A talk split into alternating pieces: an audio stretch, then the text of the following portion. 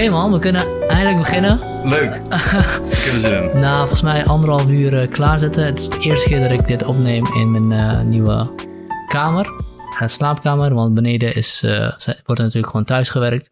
En we gaan iets, iets nieuws doen vandaag, voor het eerst. En ik denk ook voor jou voor het eerst. Klopt. Vertel, wat gaan we doen? Um, wat gaan we doen? Ja, ik zal me misschien kort even voorstellen. Dat is misschien handig. Dat is altijd handig. Ik, ik ben Mathieu. Um, ik ken Chat al uh, een tijdje, oorspronkelijk uh, van de studie filosofie. En Chat is al een tijdje afgestudeerd. En um, ik heb afgelopen jaar mijn bachelor afgerond en ik doe nu de master praktische filosofie. En voor een opdracht um, mocht ik uh, de artistieke vrijheid gebruiken om in plaats van een paper een podcast te schrijven. Of mm -hmm. een podcast te maken, moet ik zeggen. Mm -hmm. En daar heb ik Chat voor gevraagd, aangezien hij natuurlijk weet waar hij het over heeft als de podcast aankomt. Ze zeggen het. Ja. Mooi. Uh, en die doet het, deze opdracht bij ook een bekende van, uh, van Bokast, Evert van der Zweerda. Klopt. Dat ja. is uh, de eerste persoon die ik twee keer uitgenodigd heb. En terecht. en terecht. We hebben het met hem gehad over wat het betekent om een Nederlander te zijn. En over Rusland en Russische filosofie. En, en Poetin ook heel veel. Maar allebei leuke dingen te doen. ik kijk soms een beetje heen en weer, omdat we... dit is even een beetje een guerrilla setup omdat er bepaalde dingen niet werkten. Daarom heb ik dit ook vast. Maar uh, uiteindelijk gaan we er uh, denk ik gewoon een mooie podcast van maken. Hoop ik ook. Vertel over de opdracht. Wat is, uh, wat is, wat is de inhoud? Um, nou ja, het, het, het, het vak gaat over democratie. Mm -hmm. Dus een, een onderwerp dat, dat we gewoon heel veel hebben gehoord de, laatste, de laatste tijd, de laatste jaren. En helemaal nu de verkiezingen er ook weer aankomen. En het is eigenlijk een, um, een filosofische studie naar democratie. Wat is het? Um, um, hoe hebben we het in het verleden begrepen en hoe begrijpen we het nu? Mm -hmm. Dat hebben we gedaan aan de hand van uh, vier denkers, uh, waarvan de drie uh, modern zijn en ook nog leven en eentje Schmid die niet meer leeft. maar ik heb eigenlijk um, twee denkers daarvan voornamelijk gebruikt en dat zijn Habermas en Roger Vallon. En Mhm. Habermas is een, is een Duits denker en Roger Vallon een Frans, zoals de namen doen vermoeden. En um, ja, ik zag eigenlijk in uh, die twee filosofen zag ik een denklijn ontstaan.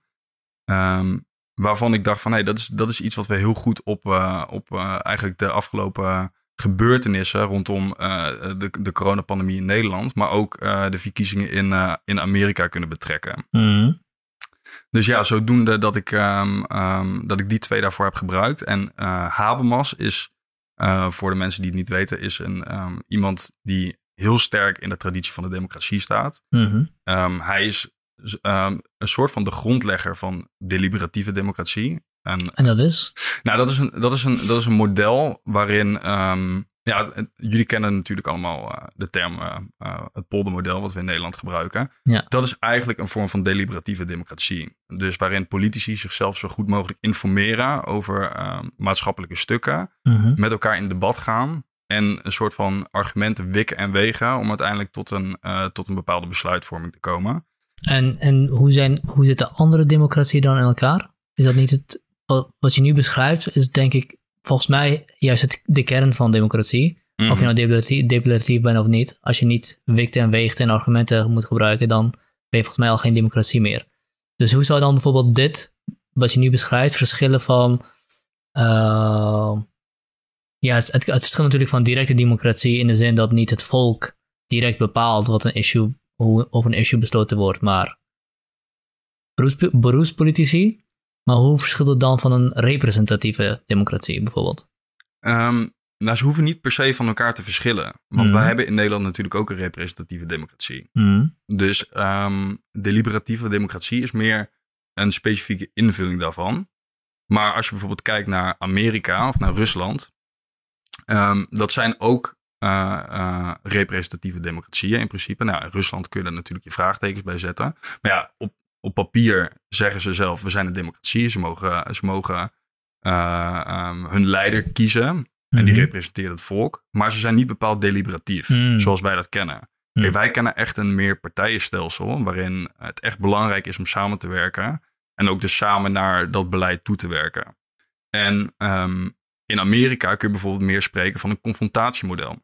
In plaats van een deliberatiemodel. Waarin, ehm, waarin de twee partijen Mhm. niet zozeer met elkaar in gesprek gaan. Maar ze willen eigenlijk allebei de winst behalen. En eh, om dat te doen, schilderen ze de ander heel, heel vaak zwart af. Daar zit een bepaalde retoriek bij. En dat hebben we natuurlijk op bepaalde hoogte ook in Nederland. Maar veel minder. Mm. En, ehm, maar goed, ik, ik denk als bijvoorbeeld iemand zoals Jurgen Habermas zou kijken naar wat we in Nederland hebben, dat hij ook nog steeds niet heel tevreden zou zijn. Want ehm, hij is iemand die vindt dat discussie altijd gericht moet zijn op waarheid. En in Nederland worden natuurlijk ook, eh Sorry. maar niet uit. Ja. Eh, in Nederland worden natuurlijk ook gewoon politieke spelletjes gespeeld. Die, eh, die mensen doen om zelf een betere politieke functie te krijgen. Of een loopbaan op de rit te krijgen, et cetera.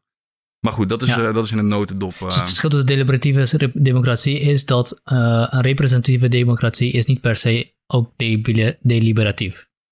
Nee, Ja. klopt. Het hoeft niet per se. Klopt, inderdaad. Ja, Exact.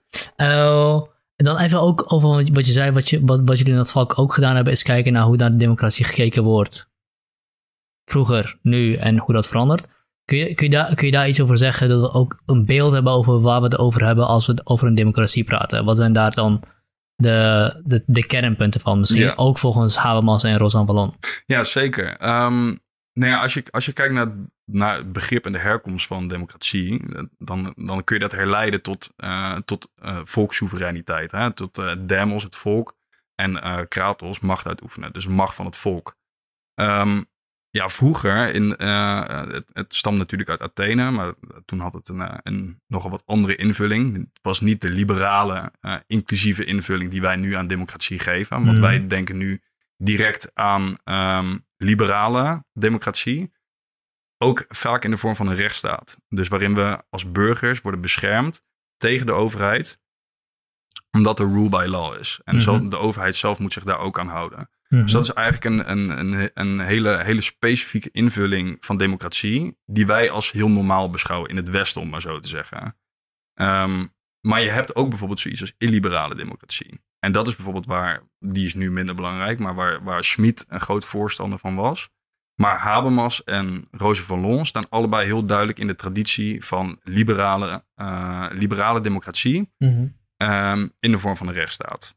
En, en wat, wat houdt dan illiberale democratie in? Want als, als, als, het niet, als niet iedereen kan stemmen en iedereen de vrijheid krijgt om te doen wat hij wil doen binnen de grenzen van, de, van het recht, Mhm. hoe kunnen we dan spreken van, van een democratie? Dus wat, Nou ja, als je democratie smal opvat als Ja. zijnde volkssoevereiniteit, dan, Ja. kun je, eh, dan kun je Rusland gewoon een democratie natuurlijk noemen. Ja. Dan, kun je, ehm, dan kun je Hongarije een democratie noemen. Die mensen mogen stemmen, eh, maar je mag niet alles zeggen. Je mag, eh, je mag niet Poetin voor de voeten lopen. Op het moment dat je een probleem wordt of dat je dreigt te invloedrijk te worden, dan nemen ze je gewoon je rechten af in principe. Dan word je Mm. vastgezet. Dus Mm. daarin kun je, in Nederland mag je natuurlijk alles zeggen. Ja. In principe. oké. Maar dat is, eh, dat is eh, Maar dat maakt inderdaad ook een stuk duidelijker van, eh, van hoe het feit dat democratie verschillende dingen kan zijn. En bij ons is het één ding dat we zien als democratie, namelijk liberaal, rechtsstatelijk en volkssoevereiniteit. mhm, Maar je kan ook volkssoevereiniteit hebben zonder die liberale insteek en zonder die rechtsstaat. Zeker. Ja, wij, wij hebben in deze cursus ehm, hebben we die drie componenten wel analytisch onder, onderscheiden. Ehm, eh, dus in de zin dat we, dat we ze uit elkaar plukten en dat we elke keer naar elke losse component, dus naar de democratische, liberale of rechtsstatelijke component gingen kijken van hoe denkt eh, een van de denkers daarover en hoe zien we dat terug in onze eigen maatschappij of bijvoorbeeld de Amerikaanse maatschappij en problematiek.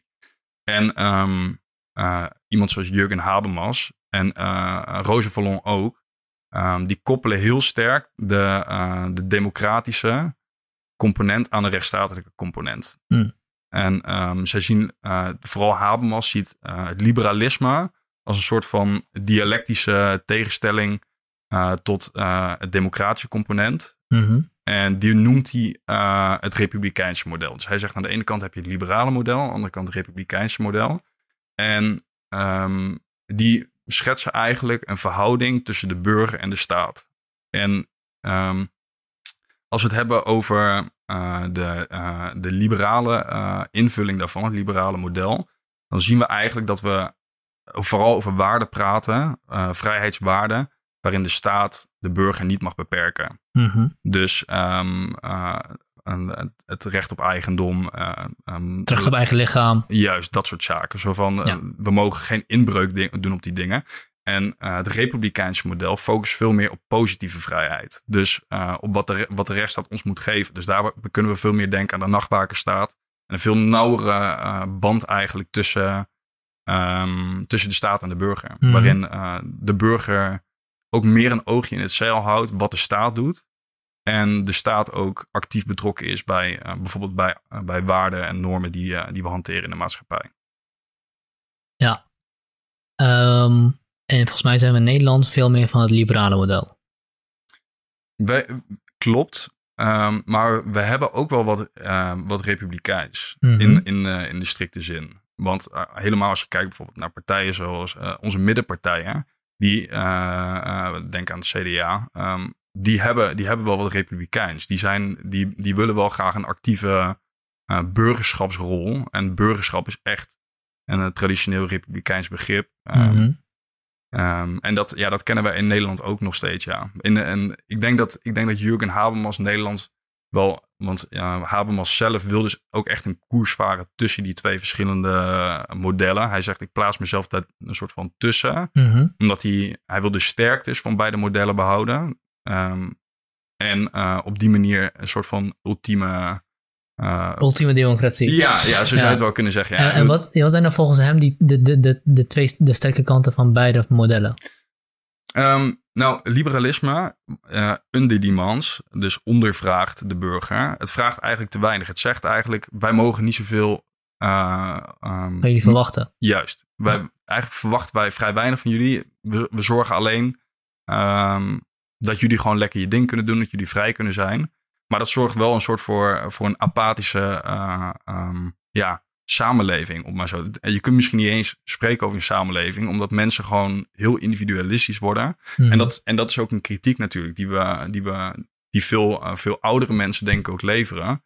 Als het aankomt op hoe de maatschappij nu in elkaar zit. Omdat Hmm. mensen veel meer hun eigen ding zijn gaan doen en dergelijke. Dus dat is, dat is, dat is, een, dat is een zwakte van, um, uh, van liberalisme. Maar een kracht is weer dat, uh, dat het mensen wel zelf de invulling kan geven um, hoe ze hun leven willen inrichten. En aan de andere kant heb je het republikeinse model, uh, waarvan Habermas zegt, die is overdemanding. Dus dat wil zeggen, um, die vraagt te veel van de burger. Die vraagt te veel betrokkenheid, te veel burgerschap, te veel democratische invullingen. En um, dat, heeft natuurlijk wel, dat kan natuurlijk wel weer een heel belangrijke component hebben in de zin van um, dat we als gemeenschap wel gedeelde waarden op een, uh, op een, uh, op een consensusgebied willen hebben, zeg maar. Mm -hmm. Dus die probeert hij eigenlijk te fuseren, om maar zo te zeggen. Oké. Okay. En dan kan ik me voorstellen, je noemde dat, dat ze een dialectische relatie tot elkaar hebben. Dan kan ik me voorstellen dat je ook in bepaalde tijden meer republikeinse elementen wil invoeren en in bepaalde tijden meer liberale elementen wil invoeren. Uh, ja. ja, dat is een beetje uh, hoe de politieke wind uh, waait, zeg maar. Ja, hij is, ik weet niet of hij daar, uh, of hij daar specifiek wat over zegt. Hmm.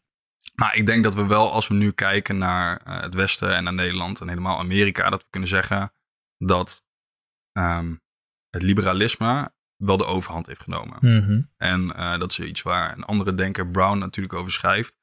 Dat het neoliberaal is geworden. Dat het bijna een soort van marktreductie is geworden van zeg maar, de overheid.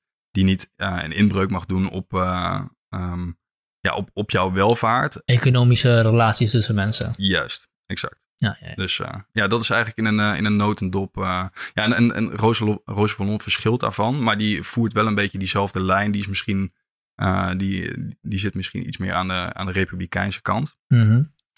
um, maar goed, ja, dat, is, dat zijn die twee denkers in een notendop. Wat ik me afvraag is, en dan, en dan gaan we echt op, jou, op jouw specifieke opdracht verder. Wat ik me, altijd, wat ik me dan afvraag is, wat is het criterium uh, waarbij wat je helpt selecteren tussen uh, republikeins en democratisch.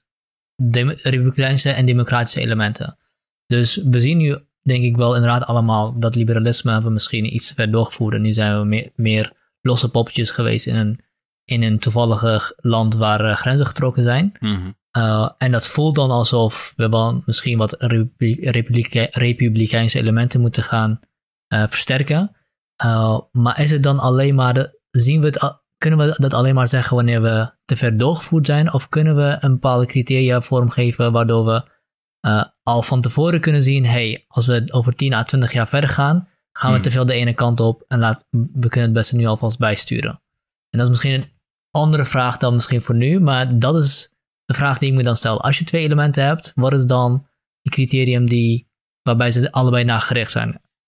Ja, dat is, dat is, een, dat is een lastige vraag. Ik, ehm, ik denk wel dat, daar, daar, daar wordt natuurlijk heel veel over geschreven, dat er wel hele duidelijke pijlers zijn die aanduiden dat we te veel de ene kant of te veel de andere kant op zijn gevallen. Hmm. En kijk, waar die pijlers precies liggen, dat is een beetje persoonlijke politieke smaak, denk ik. Maar ik denk dat we, dat we wel nu kunnen spreken, en dat is mijn persoonlijke mening ook, dat we te veel richting de kant van het liberalisme zijn getrokken. In de zin van dat we de marktwerking te vrij hebben gelaten. Hmm. En dat dat betekent dat er dus een hele grote eh, ongelijkheid is ontstaan. En in Nederland is dat nog misschien enigszins te overzien. Maar in Amerika is dat echt is dat bizar geworden. Als je kijkt naar dat, dat iemand zoals Jeff Bezos ontiegelijk rijk kan zijn. Dat de mensen die voor hem werkten gelukkig nu wel iets beter aan het verdienen zijn. Ja. Maar hiervoor echt eh, eh, een paar dollar per uur verdienden. En niet met zwangerschapsverlof mocht, mochten. Ja. Dus dat is denk dat zijn hele duidelijke pijlers dat het gewoon echt mis aan het gaan is. En ik denk dat je aan de andere kant kunt zeggen. ehm, als het gaat over eh, republikeinisme. Dat, je, dat op het moment dat de staat waarde aan iemand gaat opleggen. Hmm. ehm, en Zoals Iran bijvoorbeeld, bijvoorbeeld zoals Iran. een voorbeeld te noemen. Ja, ja, klopt. Ja, dat, dat is natuurlijk wel weer een ander voorbeeld. Want die hebben, die hebben sharia, Mhm. als ik het, eh, als ik het goed heb. Ehm, Ik geloof van wel, ik weet niet precies zeker, maar volgens mij hebben zij inderdaad ja, officieel al de sharia ingevoerd als... Maar goed, als ik het fout heb, moet- Ja. moeten mensen me ons corrigeren. Ja, nee, inderdaad. Ja. Eh, ehm, maar in, in eh, het republikeinse model is natuurlijk eh, wel een model wat zeg maar kerk en, en staat altijd scheidt. Maar in ieder geval, ehm, je, kunt, je kunt je voorstellen dat, dat de staat zegt dat we op een bepaalde manier met elkaar moeten omgaan. Dat daar bepaalde waarden aan vast liggen. En dat die geen ruimte meer bieden voor een persoonlijke invulling. Ja. Ik bedoel, als jij naar de moskee wil gaan of naar de kerk wil gaan. En de staat zegt, nou dat willen we eigenlijk liever niet. Dan is dat wel een inbreuk op, op, op die negatieve Vrijheid. vrijheid. Ja, ja. ja, Mooi. Laten we gaan naar, eh, naar de inhoud van jouw opdracht zelf. Eh, Ja. want je hebt uh, Hamas en Rosan Vallon ge- gekozen om, Mhm. en, om het daarover te hebben. Waarom die twee en eh, over welk onderwerp? Ehm, wat ik heel interessant vond en ehm, wat ik zag, ehm, vooral op het nieuws, was dat Roos, of, eh, Habermas denkt in termen dus van de liberatieve democratie. En ik heb mezelf afgevraagd van in hoeverre wordt er nou nog echt overlegd in het parlement? In hoeverre ehm, zijn we nog echt op zoek naar een, een, naar een goede vorm van, eh, eh, van beleid? En ja, met het oog op Amerika kun je eigenlijk zeggen dat dat heel erg, heel erg sterk is afgenomen. Hmm. Helemaal onder Trump. Ehm, hij neemt het niet nauw met de waarheid. Hij is niet gericht op waarheid. Hij is gericht op zijn politieke tegenstanders eh, zo ver mogelijk van zich afschuiven, de grond inboren en zelf beleid doorvoeren. Hmm. Nou, dat is eigenlijk het tegenovergestelde van deliberatie. Dat is gewoon, dat heeft gewoon meer trekjes van een totalitair regime dan wat anders. En ehm, ja, waar dat heel sterk toe heeft geleid, is wat Roger Vallon eh, noemt contrademocratie. Hmm. En dat is een term die hij heel veel gebruikt. Ehm, het kan misschien een beetje verwarrend zijn. Het is niet tegen de democratie. Maar je moet het zien als net zoals eh, een contragewicht. Dus eh contrademocratie is een versterkende factor die eh, een soort van checks en balances geeft van een democratie. En wat bedoelt hij daarmee? Contrademocratie is zeg maar alles wat het electoraal representatief systeem niet is. Dus eh, burgerbewegingen, burgerjournalistiek, protestbewegingen, Occupy Wall Street bijvoorbeeld. Dat Hmm. zijn typische voorbeelden van contrademocratie. Mhm. Dus ehm, wat. ehm, Dus we hebben een, sorry, wacht. We hebben een democratisch systeem. Uh, we hebben even op de VS dan. We hebben, Mhm. we hebben de rechters, we hebben uh, stemmogelijkheden, we hebben senatoren, we hebben Congress en we hebben de president. Dat is het democratische systeem. Ja. En alles wat daar niet bij hoort, burgerbewegingen en dergelijke, dat is contra-democratie. Ja, ik, ik kan het nog een heel klein beetje uitbreiden. Ja. Ehm, want inderdaad, wat je zegt, het, eh, ehm, het electoraal systeem, dat noemt, hij- dat noemt hij dus eh, eh, de instituties van de democratie. Dan heb je de tweede laag, eh, de contrademocratie. En dat zijn wij als burgers. Op het moment dat, dat, dat, eh, dat wij als burgers de straat op gaan of iets dergelijks. om uh, onze uh, ja, democratische macht te uiten, om maar zo te zeggen. En je hebt ook nog een derde dimensie. En dat is eigenlijk wat we nu aan het doen zijn. Dat is zeg maar het denken over de democratie. Mm. Wat natuurlijk ook een onderdeel is van de democratie zelf. Want uh, daarmee probeer je te duiden wat er gebeurt in de samenleving. Hoe we democratie moeten begrijpen, hoe we het kunnen sturen. Dat soort zaken. Dus er zijn eigenlijk dus die, die drie dimensies van democratie. Um, maar mijn, mijn hypothese was dat um, dus een afname in een deliberatief model of een poldermodel uh, leidt tot, uh, contra, tot meer contrademocratische bewegingen en daarmee ook tot geweld. Want geweld ligt een soort van in het verlengde van contrademocratie. Op het moment dat, dat de overheid bepaalde beslissingen neemt, waar wij als burgers het niet mee eens zijn, Um, neem, neem, ik denk dat Black Lives Matter bijvoorbeeld een heel goed voorbeeld is. Uh, mensen die, um, die nog steeds zien dat zij gediscrimineerd worden. Uh, die beweging die start en er gaan steeds meer mensen de straat op. En op het moment dat zij zich nog steeds niet gehoord voelen, zullen zij overgaan tot ook gewelddadige acties. Mm -hmm. Dus um, de hoofdvraag daarbij natuurlijk is: mag dat? Is dat gelegitimeerd? En tot, hoe, tot hoever mogen we dat? Uh, is dat, is dat begrijpelijk en tot hoever is het gelegitimeerd om geweld te gebruiken? Ja, oké, voordat we verder gaan over legitimatie van geweld inderdaad en wanneer is het legitiem, die hypothese vind ik interessant. Wanneer er in het democratische electorale systeem deliberatie minder wordt, mm -hmm. zorgt dat voor meer beweging in contrademocratie. Ja. En wanneer dat zich verder opvoert en dus in principe de druk van de ketel niet afgaat, mm vloeit dat over naar geweld. Dat is een beetje wat je begrijpt, wat, hoe ik je begrijp. Ja, nou ja geweld, is, geweld is vaak nog een, een stapje later. Maar eerst, eerst zal het inderdaad overgaan in, uh, in, uh, in contrademocratische bewegingen. Dus um, um, bewegingen die in ieder geval de straat op gaan met spandoeken. Of in ieder geval uh, bij het parlementsgebouw gaan staan. En zich zullen laten horen dat Ja. ze het ergens fundamenteel niet mee eens Ja, zijn. ja. En dat hebben we natuurlijk ook gezien. Ik bedoel, Black Lives Matter ging natuurlijk heel snel. Het ging misschien van 0 naar 100 heel snel. Mhm. Maar we hebben het in Nederland natuurlijk gezien met, uh, met uh, uh, demo demonstraties tegen coronamaatregelen. Ja. Het begon redelijk klein. Mensen die Mhm. bij elkaar kwamen en gingen schreeuwen. Tot aan afgelopen zaterdag of zondag was het afgelopen zondag op Museumplein waar de, waar ME en de paarden uh, kwamen en waar het slaag raakte. Dus daarin zie je denk ik inderdaad een burgerbeweging die, die, die vindt dat ze niet gehoord worden, die het niet mee eens zijn, die niet verder komen dan, uh, of waarvan die het gevoel hebben dat ze niet, dat ze niet verder komen Mhm. en dus overgaan tot gewelddadige handelingen. Ja, ja, klopt ja. Ja, je kunt je natuurlijk afvragen in hoeverre zeg maar, iedereen die daarbij is ook, ook echt uh, daar is om geweld te gebruiken vanuit politiek standpunt. Er zal Mhm. ongetwijfeld wat opportunisme bij zitten en mensen die gewoon de spanning leuk vinden of iets dergelijks.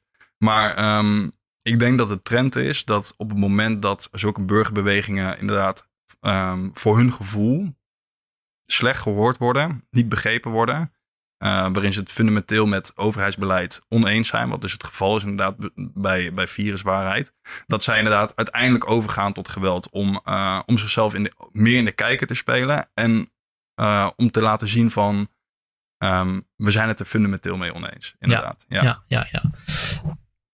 Dan is een vraag, voordat we terug, voordat we verder gaan met wanneer geld, geweld legitimeerd is, de vraag is dan in hoeverre dan je groeperingen ruimte moet, moet geven. In hoeverre je als overheid een bepaalde verplichting hebt om groeperingen ruimte te geven. Ook al, en laten we virus, viruswaanzin, viruswaarheid als voorbeeld gebruiken, want ik denk dat we uh, dat de meeste van ons al erover eens zijn dat ze het waarschijnlijk fout hebben. Mm, uh, tenminste, ja. ik, ben, ik, vind, ik denk dat ze het fout hebben.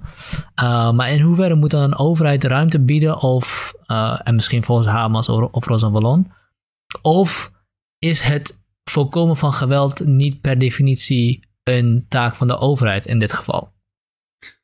Um, Als Hamas namelijk zegt dat we op waarheid gericht moeten zijn, dan kan ik me voorstellen dat Hamas geen ruimte laat om uh, zulke groeperingen, uh, ja, hoe noem je dat?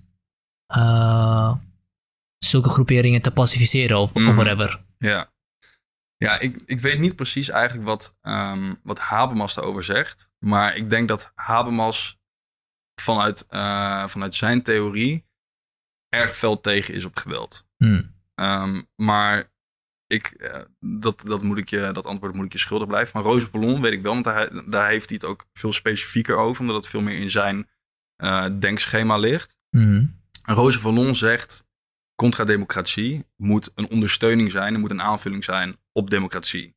Dus het is heel goed dat, um, dat burgers de ogen en de oren en ook uh, de mond zijn van de democratie. Dus laten horen als ze het ergens niet mee eens zijn.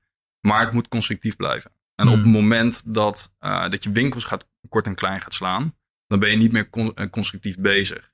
Maar er zit natuurlijk een, een spanningsveld van, ja, als je echt je zin niet krijgt, en dat, dat zie je bijvoorbeeld in Frankrijk met, die, uh, met de gele hesjes, als, als je gewoon, als je echt enorme onvrede hebt, bijvoorbeeld over de stijgende prijzen van de benzine, um, en je wordt gewoon niet gehoord, dan moet je wel een bepaald statement maken. Tenminste, dat gevoel hebben zij. Mm En um, ja, Roosje van zegt erover van het is tot een bepaalde hoogte begrijpelijk dat het een radicaal middel wordt, een soort van last resort. Maar het mag nooit zeg maar de, de, de instapactie zijn van een politieke beweging om op het moment uh, dat je na een week bijvoorbeeld geen resultaat ziet, dat je direct gaat beginnen met, met ja. uh, gewapende demonstraties, met kort en klein staan van winkels en, en dergelijke. Ja. ja.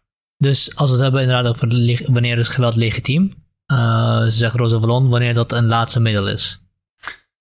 Lastig. Ja, dat, dat, dat, dat blijft, want zo, zo expliciet zegt hij het niet. Hij mm. zegt, hij, letterlijk zegt hij, zegt hij dat hij het begrijpelijk vindt. Tot op bepaalde hoogte vindt hij het begrijpelijk, wanneer het proportioneel is. Mm. En um, wanneer denk ik ook een beetje een uiting is van, uh, van um, ja, een, een, een heel, heel breed gedragen democratisch principe. Mhm. Dus bijvoorbeeld viruswaarheid, er zijn relatief weinig mensen. Ik denk niet dat hij, dat hij het, het legitiem zou vinden of dat hij het, uh, dat hij het toe zou juichen dat die mensen geweld gebruiken. Omdat ze, uh, omdat ze al zo lang aan het protesteren zijn, dus krijgen niks gedaan bijvoorbeeld. Dus ze mhm. zijn, het, het is een hele, een hele lastige, complexe kwestie waar denk ik heel veel uh, facetten aan zitten. Ja, dus naast dat, dat je er al alles aan gedaan hebt om zonder geweld die doelen te bereiken, moet het ook nog een legitiem doel zijn die gedragen wordt door een, een, groot publiek. Ja, dat, dat denk ik wel, ja. En dat is volgens Rosa Wallon? Um, nou ja, dat is, dat, is, dat is voornamelijk hoe ik... Uh, want Rosa Wallon is daar dus een beetje ambigu over. Mm. Um, dat is voornamelijk hoe ik het heb geïnterpreteerd. En ook wat ik zelf denk, wat heel belangrijk ja. is. Ja. En hoe zit Habermans daar tegenover?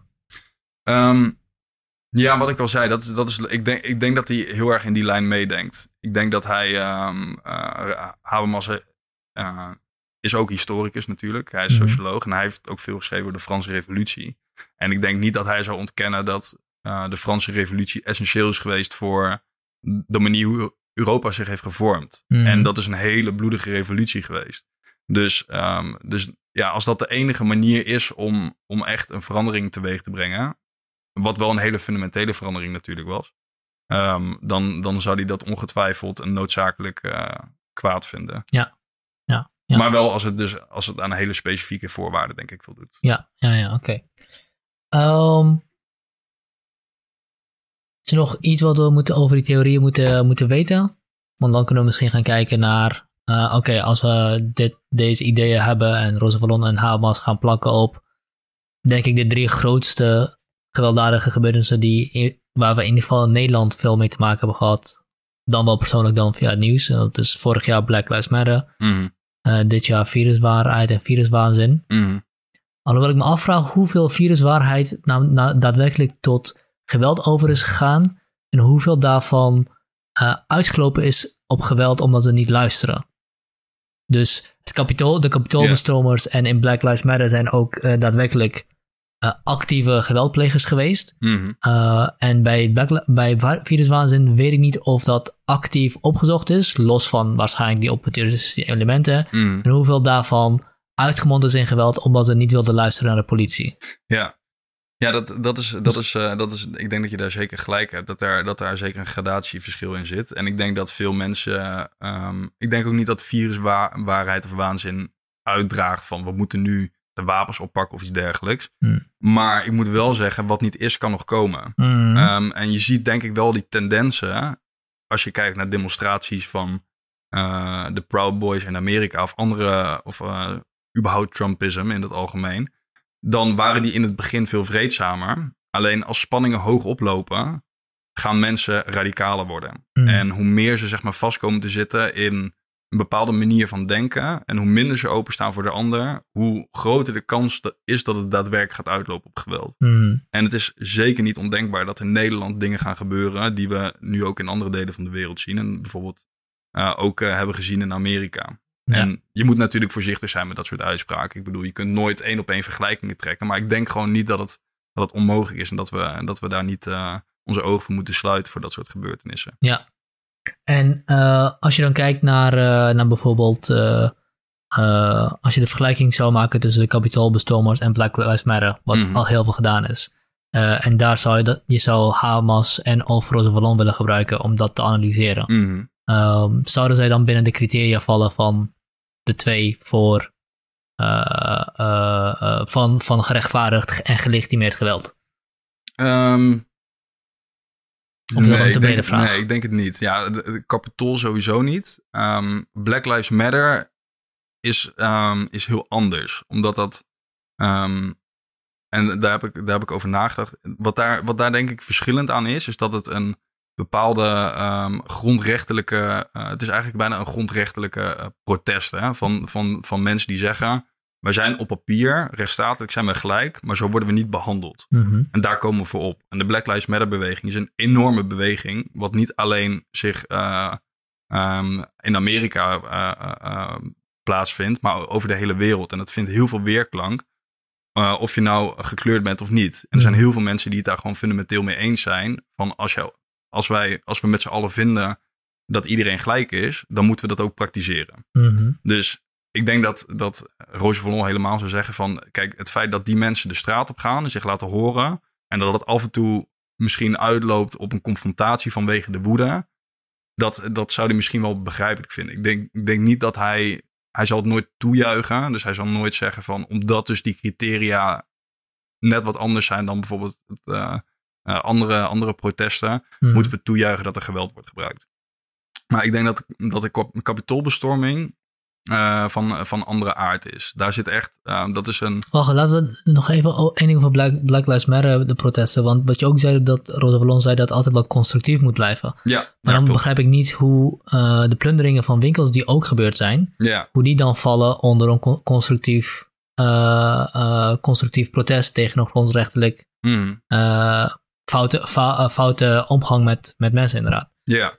ja dat, dat, zou die, dat zou die ook zeker niet toejuichen. Absoluut niet. Ja. Dat, dat, zou die, uh, dat zou die heel erg afkeuren. En hij, hij ziet daar ook heel veel gevaar in. Hij zegt ook dat, dat, we, dat we steeds vaker een soort van, uh, wat hij een guerre civile natuurlijk noemt, een, uh, een, een, burger, een burgeroorlog. Oké, okay, ja. De, um, dat, dat, dat protesten steeds meer op het randje beginnen te liggen van, van inderdaad die burgeroorlog. En dat is niet, dat is niet versterkend voor de democratie. Hmm. Dat als jij winkels kort en klein slaat en um, van, van weet ik veel, noem, noem een alledaagse beroep een bakker of zo. En die, en die ziet dat zijn winkel uh, finaal naar de kloot is geslagen. Ja, die zal, die, die zal heel polariserend waarschijnlijk tegenover zo'n beweging gaan staan.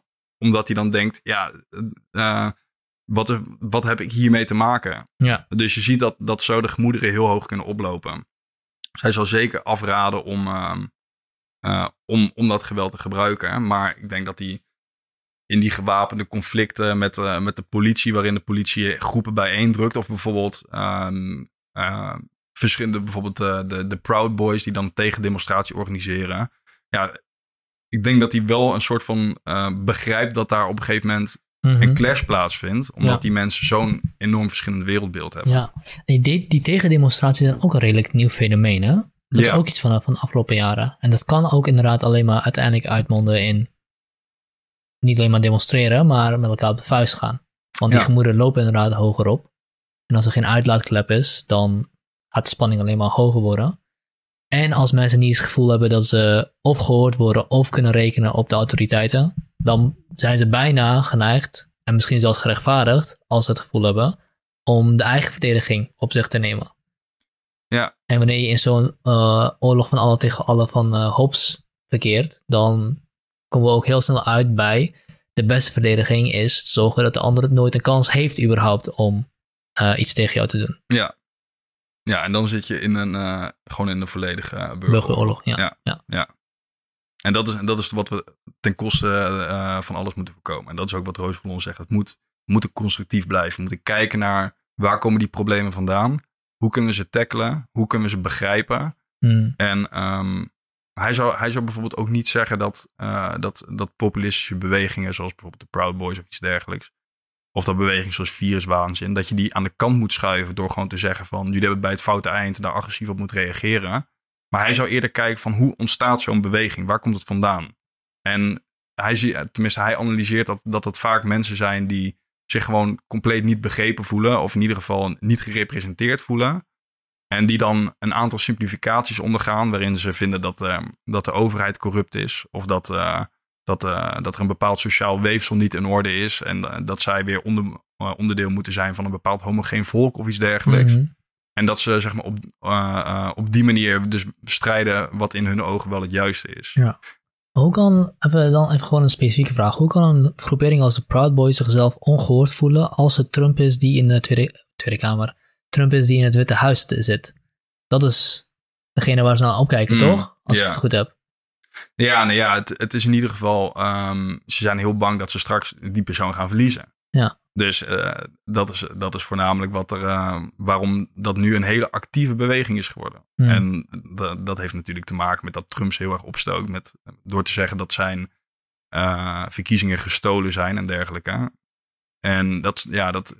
Ik, kijk, misschien geloven niet alle Proud Boys of alle alt-rights eh, of iets dergelijks in het feit dat daadwerkelijk de verkiezingen zijn gestolen. Maar het komt er heel goed uit om zeg maar wel daarvoor te strijden. Want ze, willen geen, ze willen geen andere politieke kleur in hun land hebben. Ja, ja, ja, ja. Oké, ehm, dus we moeten volgens Rosa Wallon moeten voorkomen dat dat uitmondt in een burgeroorlog. Ja, Ehm, we, we hebben een aantal dingen besproken. Het verschil tussen een deli- deliberatieve democratie en wat er fout kan gaan wanneer die deliberatie in een democratische instituut niet gebeurt. Mm. Contra-democratie, elementen gaan sterker worden, burgerbewegingen gaan meer heft in eigen handen nemen. eh, wat ertoe kan leiden dat het uiteindelijk uitmondt in geweld en nog erger zou kunnen uitmonden in een burgeroorlog. Wanneer je in zo'n vergevorderd stadium bent, bij bijvoorbeeld in de VS, waarin je al een confrontatiemodel hebt, wat zijn de dingen die je kan doen dan om die spanningen weg te nemen? dat is een hele lastige Ja. vraag. Ja. de, bu- de burgeroorlog gaat die spanning op, op een gegeven moment wel wegnemen. En dat is natuurlijk de meest pessimistische manier om, te kijken, om, om, erover, om, ernaar te kijken. En een burgeroorlog wint, wint een kant en op een gegeven moment is het, is voorbij. Maar dat willen we natuurlijk voorkomen. Mhm. Uh, dus heeft Rosa Wallon of Habermas daar idee over?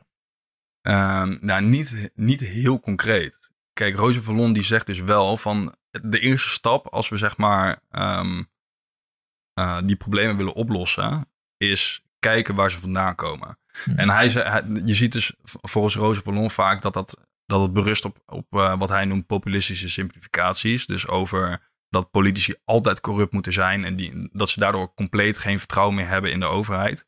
En zijn oplossing zou wel zijn in de trend van dat vertrouwen weer herstellen. Hmm. Dus inderdaad gewoon, want die mensen zijn gewoon onderdeel van, eh, van een bepaalde populatie.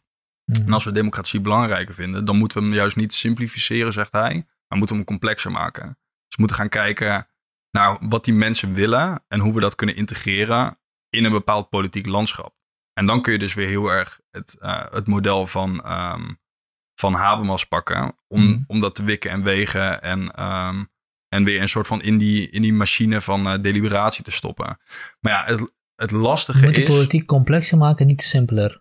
Ja, ja, ja Roos Vallon heeft het over simplificaties. En, Oké, ehm, simplificaties. ja, en hij zegt dat democratie aan zich gewoon een heel complex fenomeen is. Hmm. Dat ehm, aangezien we bijvoorbeeld maar één keer in de vier jaar mogen stemmen, zie je eigenlijk dat één keer in de vier jaar dat volk naar voren komt. Wij kiezen onze vertegenwoordigers en dergelijke en die, en die gaan ons leiden. Maar er zit een hele grote gap in. En ehm, die gap kun je volgens hem dus niet simplificeren tot gewoon een vertegenwoordiger kiezen en hopen, eh, fingers crossed, dat het de komende vier jaar goed zou gaan. Ja. Nee, dus het het is een heel complex systeem van wat hij dus ook checks en balances noemt. En daarom onderscheidt hij dus ook drie dimensies van democratie. Ja. Die allemaal heel belangrijk zijn, die een hele belangrijke wisselwerking eh, eh, tot elkaar hebben. Waarin de media ook een hele belangrijke rol speelt.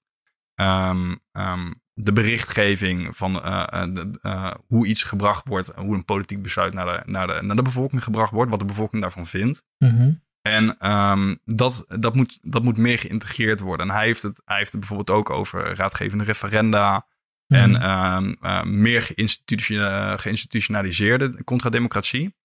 Dus een voorbeeld daarvan is bijvoorbeeld eh, de Nationale Ombudsman. Mhm. Die een soort van controlerende taak heeft over de overheid. En waar burgers terecht kunnen met problemen.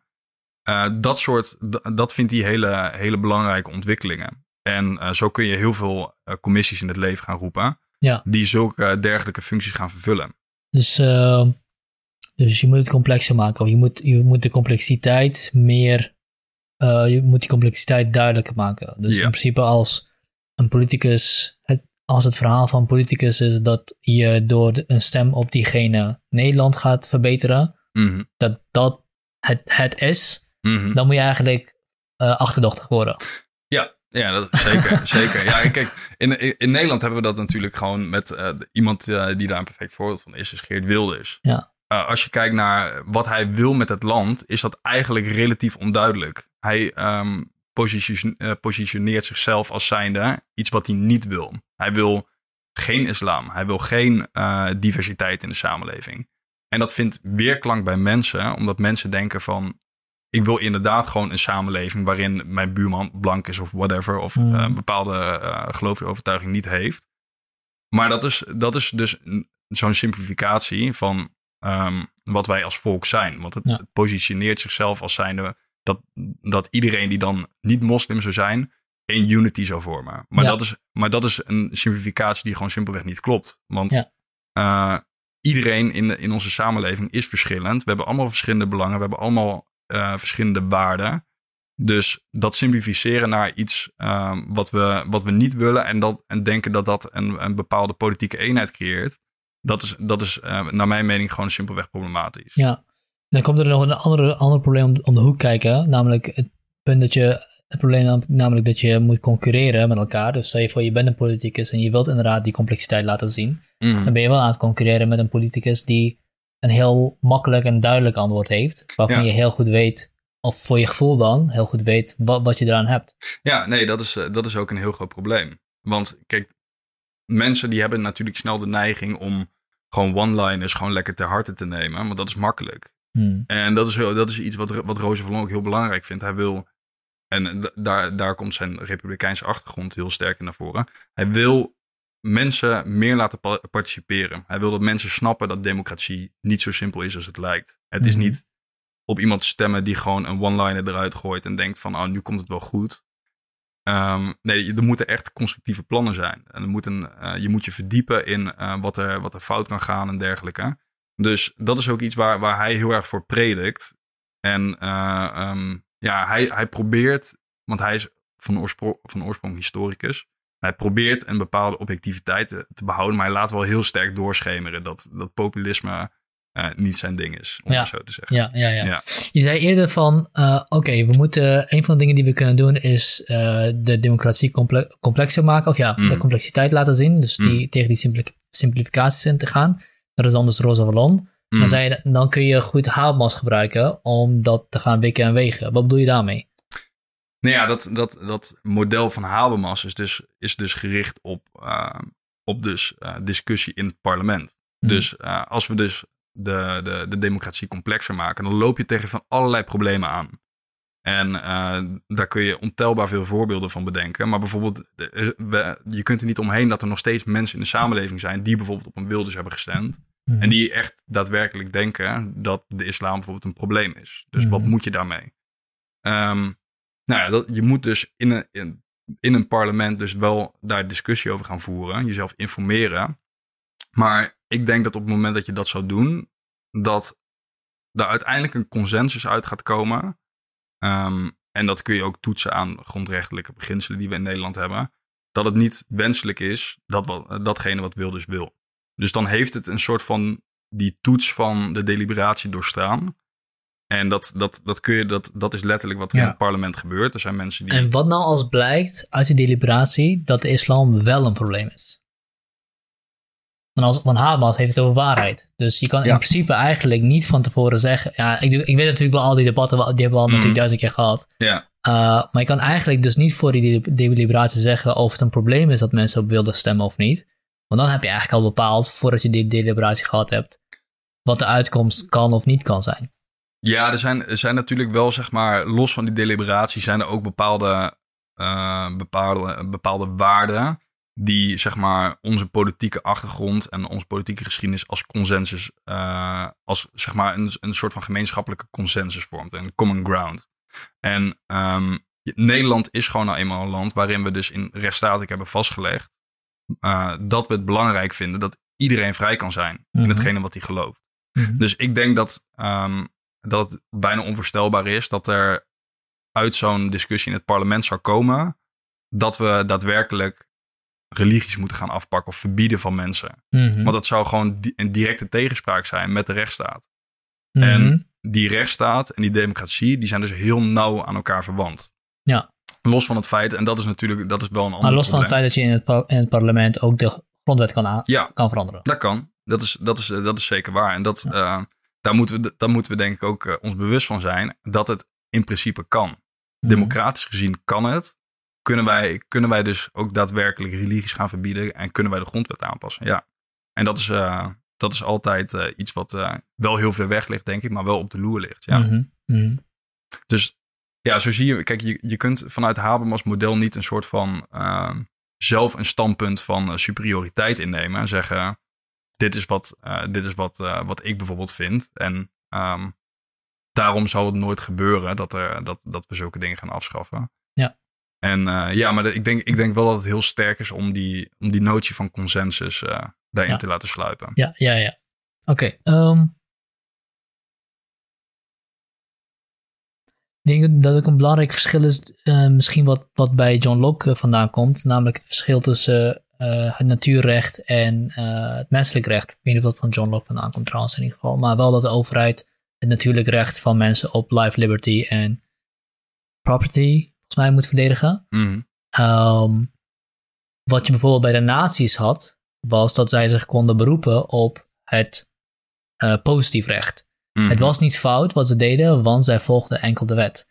Uh, maar daarmee mis je dat er ook een bepaalde natuurrecht is, namelijk dat mensen het recht hebben van nature op bepaalde dingen die we voor een deel vast hebben gelegd in de universele verklaring van de mens. Mm. Um, want inderdaad, als je zegt uh, het gaat om de deliberatie, en in de deliberatie kun je dus dingen in de grondwet aanpassen waarvan we zouden, liever niet zouden willen dat het gebeurt. Um, als de deliberatie het enige is, dan kun je daar niet omheen. Maar als je inderdaad je nog kan beroepen op iets wat daar fundamentelers aan ligt, namelijk natuurrecht van mensen om ja, vrij te kunnen geloven wat ze Mm. willen geloven, vrij hun leven in te kunnen, kunnen rechten, zonder, zolang dat geen schade berokkent aan anderen, heb je nog een ander, dieper liggend iets of criterium waarin je die deliberatie zelf nog aan kan testen. Um, ik denk het niet. Ik denk dat Habermas dat echt wil houden in um, intersubjectiviteit. Mm. Dus um, ik, hij, hij denkt wel dat er zoiets is als echte waarheid, maar dat dat zeg maar niet binnen handbereik ligt. En dat de beste manier hoe we daarbij kunnen komen, politiek gezien, echt wel um, het consensusdenken is en de deliberatie is en het, en het rationele debat is. Mm -hmm. Hij is daar wel heel Kantiaans in. Maar hij wil af van die, uh, een beetje die metafysische standaarden. Hij plaatst het echt in de maatschappij. Mm -hmm. Dus, um, en dat, dat vind ik wel heel sterk van. Want je hoeft geen beroep te doen op natuurrecht of uh, op uh, divine law of whatever. Weet je wel? Dus je kunt heel sterk gewoon kijken naar hoe uh, een democratie zich vormt. Welke, welke waarden daaruit komen rollen. En dat uh, een soort van stapsgewijs perfectioneren. Ja, oké. Okay. Ja. Dus uh, als jij nu aan, uh, aan, de, aan de Tweede Kamer advies moest geven over hoe ze moeten zorgen dat we niet over twee jaar in dezelfde, dezelfde situatie zitten als de VS nu zit, mm -hmm. wat zou dan volgens jou op basis van Rosa Vallon en Habermas het advies zijn wat er gedaan moet worden? Um, ja, dat is ook, ook weer een lastige vraag. Um, ja, in ieder... of, of, of, is het, of is het te vroeg om die vraag te stellen? Dat kan natuurlijk ook. Um, nou ja, het is sowieso altijd, altijd een interessant vraagstuk, denk ik. Ja. Nee, maar wat ik bedoel is, misschien is het te vroeg in dit gesprek, omdat je nog wat, grond, of dat, nog wat werk moet verrichten om uh, de theorie en de vergelijking en dergelijke uh, uit te leggen. Dat bedoel ik meer. Um, Nou ja, we, we, we zouden terug kunnen kijken naar, naar de legitimatie van geweld bijvoorbeeld. Ja. En daaruit kunnen kijken of, ehm, of er op een gegeven moment een plaats komt dat het echt zo daadwerkelijk mis kan gaan in Nederland. Dat we wel over die vraag moeten nadenken. Ehm, maar voor nu, voor, kijk, voor nu zou ik zeggen dat het in Nederland relatief goed gaat. Mhm. En ehm, ik vond het bijvoorbeeld ook wel sterk dat Rutte wel aandacht besteedde aan het feit dat er mensen waren met een andere mening. En het werd niet weggemoffeld in de media. Ehm, dus ik denk dat het wel dat dat, dat het belangrijke dingen zijn in een democratie. Om, daar, om dat niet zomaar weg te moffelen als gekkies of iets dergelijks. Terwijl we wel Mhm. heel snel de neiging hebben om dat te doen. Mhm. Maar dat vond ik best wel goed gaan. Maar misschien kan daar, kan daar meer aandacht aan besteed worden. Ik, ik, het is natuurlijk lastig voor mij om te zien in hoeverre daar eh, tussen Kamerleden over wordt gepraat of iets dergelijks. Maar goed, ja, dat is, dat is eigenlijk mijn eerste, mijn eerste gedachte daarbij. Oké. Oké. Eh, en als we dan kijken naar inderdaad hoe we kunnen bepalen of eh, geweld legitiem is of niet. Ehm, eh, hoe, kunnen we, hoe kunnen we naar dan bepaal dan, we hebben het al over Black Lives Matter gehad, kap- kapitoolbestormers gehad, maar wat zijn nogmaals eh, echte criteria van legitiem geweld om in te gaan tegen Mhm. de overheid of iets dergelijks? Ja, ik denk dat het ten eerste een, een hele sterke democratische component dus moet hebben. Mm, Dus eh, het mag niet een kleine groepering zijn. Ehm, bijvoorbeeld zoals viruswaanzin of zo. mhm. Ehm, het moet daarnaast om iets fundamenteels gaan. Dus niet omdat, eh, omdat een pak sigaretten een euro duurder is geworden... Waar, waarom we bommen gaan plaatsen bij de Tweede Kamer of iets dergelijks. Heel, heel extreem voorbeeld. hoor. Mhm, mhm. Maar ehm, eh, dus het moet echt om iets fundamenteels gaan. Dat de overheid eh, vrijheden van ons aan het afpakken is of grondrechten of iets dergelijks. Dus ik denk dat dat twee hele belangrijke criteria zijn. En daarnaast moet het natuurlijk ook ehm, een bepaalde relatie met de werkelijkheid hebben. Dus een, bepaalde, een bepaald waarheidscriterium. En ehm, ja, Habermas zou ervan zeggen dat daar komt dus die consensus. Dus bijvoorbeeld viruswaarheid of eh, de kapitoolbestormers. Die zouden daar totaal niet aan voldoen. Want als je, als je gewoon een peiling houdt onder, onder de bevolking, dan zegt het overgrote deel dat ze het ten eerste niet mee eens zijn. Dat ze hun ideeën over bijvoorbeeld ehm, dat corona een griepje is of dat, dat, eh, dat ehm, de verkiezingen gestolen zijn, gewoon Ja. simpelweg niet waar zijn. Dus berust niet op waarheid. Ja. Viruswaarheid heeft wel een van die drie, een van, een van de drie criteria. Namelijk dat het gaat om fundamentele dingen Ja. die ons eh ontzegd worden. Ja. Maar het berust Ja. inderdaad niet op waarheid. Durf ik even wel te zeggen. En, en het is ook geen democratisch gedragen Klopt. houding. Ja. Ja, nee, dat, eh, ik, dat eh, ben ik helemaal met je eens, ja. Ja, dus daarom, daarom is het denk ik ook belangrijk om viruswaarheid niet zomaar weg te zetten als mensen die zich debiel gedragen of zo. Het gaat wel daadwerkelijk ergens om. Hmm. Maar we bevinden ons gewoon in een situatie waarin er gewoon hele lastige keuzes mo- eh, moeten worden gemaakt. Ja. En ehm, ik denk dat, dat zij zich niet genoeg eh, ehm, realiseren dat sommige situaties gewoon nou eenmaal ten koste gaan van vrijheid. Ja, er is natuurlijk een verschil tussen crisissituaties en normale situaties. Zeker. Eh, en in de oude Athene had je inderdaad ook het verschil tussen normale situaties en crisissituaties. Dan werd het veel meer een. dan werd de democratie was, was dan veel minder en dan kon je veel meer totalitair te werk gaan. Omdat je namelijk, als je dat niet doet, dan overleeft de democratie sowieso niet. Misschien is dat nu niet minder het geval. De democratie zal wel overleven als we corona laten, laten rondrazen. Mm. Maar eh, eh, we zouden dat als maatschappij natuurlijk niet kunnen accepteren als er een half miljoen mensen sterven, omdat we niet eh onze vrijheden daarvoor willen opgeven. Ja, Uh, dus in plaats van het af te wegen tussen. in plaats van de ernst van wat jou afgepakt wordt af te wegen tegenover de normale situatie, je normale situatie, moet je eigenlijk de ernst van, je- van wat jou afgepakt wordt afwegen tegenover de huidige situatie. Namelijk dat als het niet van jou afgepakt wordt, of jou niet ontzegd wordt, dan levert dat eigenlijk alleen maar meer problemen op. Ja, dat, eh, ik- dat is denk ik een hele goede analyse. Want ik denk dat zij dus ook een fout maken hè, in de zin van simplificatie. Dat zij gewoon kijken, de overheid pakt onze vrijheid af. Mhm. En het lijkt alsof ze daar stoppen. Ja. Kijk, als, je, als dat de enige info is die je hebt, dan zouden wij waarschijnlijk ook binnenkort met een spandoek over straat lopen. Ja. Dus, dus ja, dat is, kijk, dat is niet een, het is geen rare gedachte, Mhm. maar het is een oversimplificatie van, ehm, van, ehm, ja, hoe van, de situatie, van van, de van, van, de werkelijkheid. Het is een oversimplificatie Ja, van de ja, werkelijkheid. ja, ja. ja, ja. En, dat is, en, en toen ik Roosje Vallon aan het lezen was, toen dacht ik, ja, dit is echt super sterk. Want hij, hij legt eigenlijk een beetje die structuren bloot Van wat er in zulke, zulke bewegingen gebeuren en wat daar mis mee is. En hoe we dat wel kunnen benaderen. En ik denk dat het voor, nou, misschien niet voor iedereen, want sommige mensen hebben ze nou gewoon eenmaal vastgebeten in een bepaalde ideologie. Uh, maar ik denk dat er, dat er heel veel mensen zijn die, als je daar gewoon mee in gesprek gaat, dat ze in ieder geval meer begrip hebben voor dergelijke situaties. Ja, ja inderdaad. En um, de, bestaat ook de angst, of er bestaat misschien ook de overtuiging bij sommige mensen dat wanneer je gaat uitleggen en begrijpen wat zo'n viruswaarheid of een kapitoolbestormer of een uh, Black Lives Matter demonstrant drijft om iets te doen. En in, in die belevingswereld van die persoon gaat duiken om dat uit te leggen, dat je daarmee ook het accepteert uh, waarom die dat doet. En dat is natuurlijk niet hetzelfde. Nee. Uh, en dat is wat, wat, je lijkt te zeggen dat Rosa ook doet. Die gaat in die structuren duiken en probeert te begrijpen waarom het gebeurt.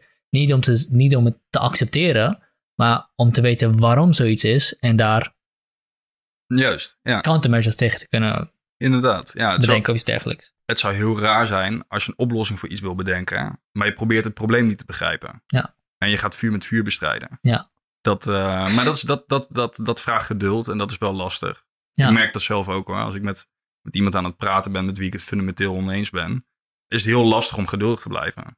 Dat is, dat, moet, dat is wel een heel goede eigenschap van een politicus bijvoorbeeld. Maar dat is, dat is zelfs als je met iemand in gesprek bent, waardoor het nog lastig is. Stel je voor, je bent iemand die alleen maar op het nieuws ziet dat die gekkies weer een museumplein aan het bestommen zijn en weer de politie op. Dan is het natuurlijk nog moeilijker om begrip op te kunnen, op te kunnen brengen voor zo iemand. Ja. Uh, als het al in gesprek al moeilijk is, laat staan als je ze alleen maar op tv ziet. Ja, ja dat is. Uh, uh, dus dan hebben we nog, nog een ander probleem, namelijk voor, dit, voor, die, voor die deliberatie. Namelijk het feit dat we um, dat we niet constant met elkaar in gesprek zijn. En van elkaar horen via via eigenlijk. Mm. En we weten hoe via via gaat. Het is altijd anders dan het echt is. Ja, ja, ja. nee zeker. Um, dus hoe, hoe, hoe dat? Dus je kan wel zorgen dat in het, in het parlement dan de, die deliberatie beter gedaan wordt en dat die mensen zich gehoord voelen. Laten we even viruswaarheid nu even als voorbeeld gebruiken. Dat die inderdaad gehoord worden en zich gehoord voelen. Maar als dan alsnog de grootste deel van de, uh, van de samenleving hun niet begrijpt en niet wil begrijpen en ze alleen maar wegzet als gekkies, mm. um, dan heb je weer die grootste deel van de samenleving die zegt: waarom is het parlement naar die idioten aan het luisteren? Ja, ja, ja, klopt. Ja, ik denk dat um, dat, dat altijd in de representatieve uh, democratie lastig blijft. Mm. Omdat gewoon de structuren van de samenleving niet zo in elkaar zitten. Dat je direct de spreekbuis zelf kan hebben in de Tweede Kamer. Maar ik denk wel dat je dat heel erg heel sterk kunt bevorderen door um, kortere lijntjes te, te houden met, uh, met, met zeg maar het representatieve electorale systeem. Mm -hmm. Dus dat er, dat, er, dat er meer vormen van inspraak komen, meer commissies of uh, bijvoorbeeld um, uh, noem wat, wijkvergaderingen of iets dergelijks, waarin je gewoon echt met mensen uit jouw buurt in gesprek kunt gaan mm. over dit soort zaken. En dat is, dat is ook iets waar, waar, waar Roosevelt ook een voorstander van Ja, want dat klinkt, dit klinkt als een zo'n vorm van contrademocratie wat geïnstitutionaliseerd kan worden. Ja, klopt ja. En heeft hij daar ideeën over hoe, hoe je dat uh, voor elkaar kan krijgen? Um, ik heb niet heel veel van hem gelezen. Ik heb één boek van hem gelezen en daar is hij daar... Ja, hij, hij heeft daar wel in abstracto wel wat dingen over gezegd, maar niet echt heel concreet. Hij heeft het over verschillende commissies en, uh, en verschillende raden die je kunt instellen, die het in ieder geval bevorderen. Mm -hmm. Uh, maar hij ziet dat daar nog wel heel veel werk te doen. Dus ja, ja. hij ziet dat er wel. Uh, en, maar hij ziet in ieder geval wel dat er, dat er opties liggen. En dat, daar, daar kunnen we over nadenken. En dat horen we, denk ik, in ons politieke spectrum veel te weinig. Ja. ja. ja. Wat ik ook sterk vind aan uh, Roosevelt en Hamas in deze is dat ze. Kijk, wat, wat er vaak ook gebeurt is dat mensen zeggen: geweld is nooit de optie.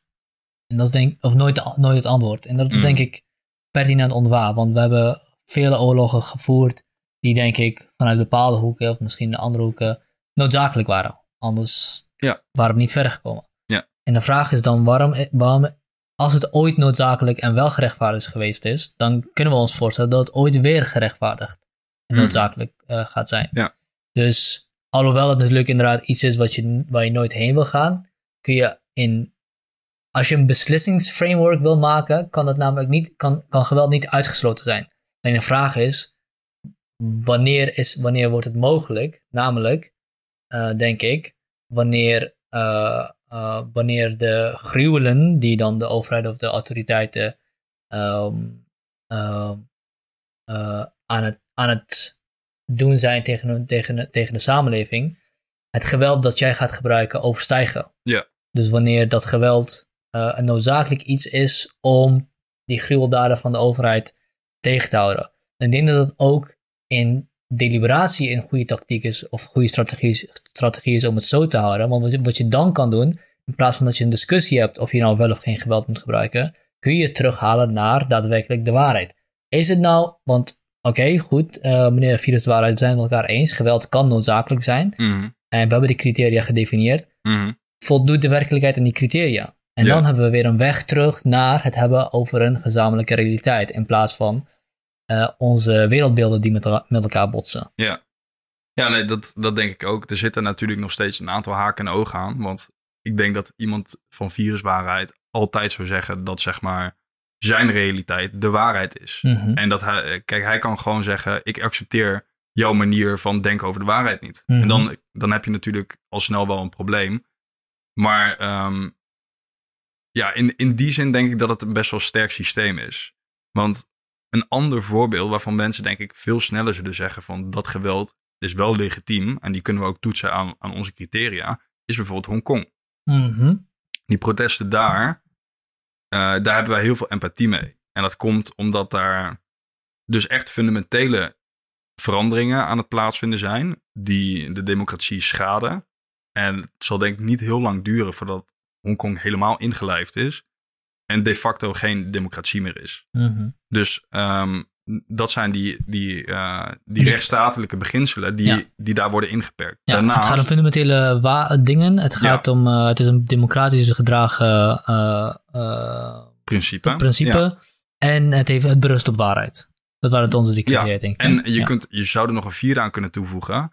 Ze hebben eerst andere dingen geprobeerd. Ze hebben het via, via de parlementaire weg geprobeerd. Ze hebben het via vreedzame protesten geprobeerd. Ja. Ehm, daar zijn genoeg beelden van geweest. Maar op een gegeven moment, eh, als al die wegen niet werken en je voldoet aan die, aan die criteria, dan denk ik dat eh, dat, dat eh, inderdaad uiteindelijk de uitweg is. Ja. Ja, ja, ja. Ja. Je was aan het verder vertellen voordat ik je onderbrak om het over die criteria te hebben. Dat over Hongkong. Ehm, Dat we daar heel veel Ja, empathie mee hebben. Ja, ja ik denk dat, ik denk dat de- kijk, die situatie kun je op Nederland plakken. hè. Op het moment dat, eh, dat Duitsland ons weer probeert in te lijven of whatever. ehm, en onze vrijheden wil inperken. Ja. Dan kom je gewoon in opstand. En ik denk dat het overgrote deel van Nederland geen onderdeel wil zijn van Duitsland. En dat, eh, dat heeft natuurlijk, eh, als we kijken in onze recente historie, nou, ik hoef het voorbeeld niet eens te noemen Nee. dan weet je wel, dus, dus daar is denk ik heel weinig discussie over. En het feit dat dat een soort van als een paal boven water staat, zegt dan een soort van, je kunt zeggen dat je altijd tegen geweld bent, maar de- deze, deze geweldsvormen zijn dan opeens heel begrijpelijk. Als mensen opkomen voor hun eigen vrijheden, voor hun eigen land, voor hun eigen rechtsstaat, voor hun eigen fundamentele vrijheden. Sterk. Misschien is het wel ook een eh, sterk einde. Ik weet niet eh, of, wij, eh, of wij alles wat in jouw opdracht voor moet komen besproken hebben. Ja, ik denk het wel. Je denkt het Ja. wel. Oké. Ja, dan kunnen we hem denk ik gewoon afsluiten. Ik vond, ik vond het echt leuk. Ik ook. Ehm, eh, ook wel mooi dat dit daadwerkelijk een eindopdracht is. Dus ik hoop even dat het een, goede, dat het een goed gesprek was. En ehm, wil je nog iets zeggen? Nee, ja, heel erg bedankt, Chat, dat ik mocht komen. En eh, ik vond het ook een topgesprek. Graag gedaan. Mooi, dankjewel. Yes.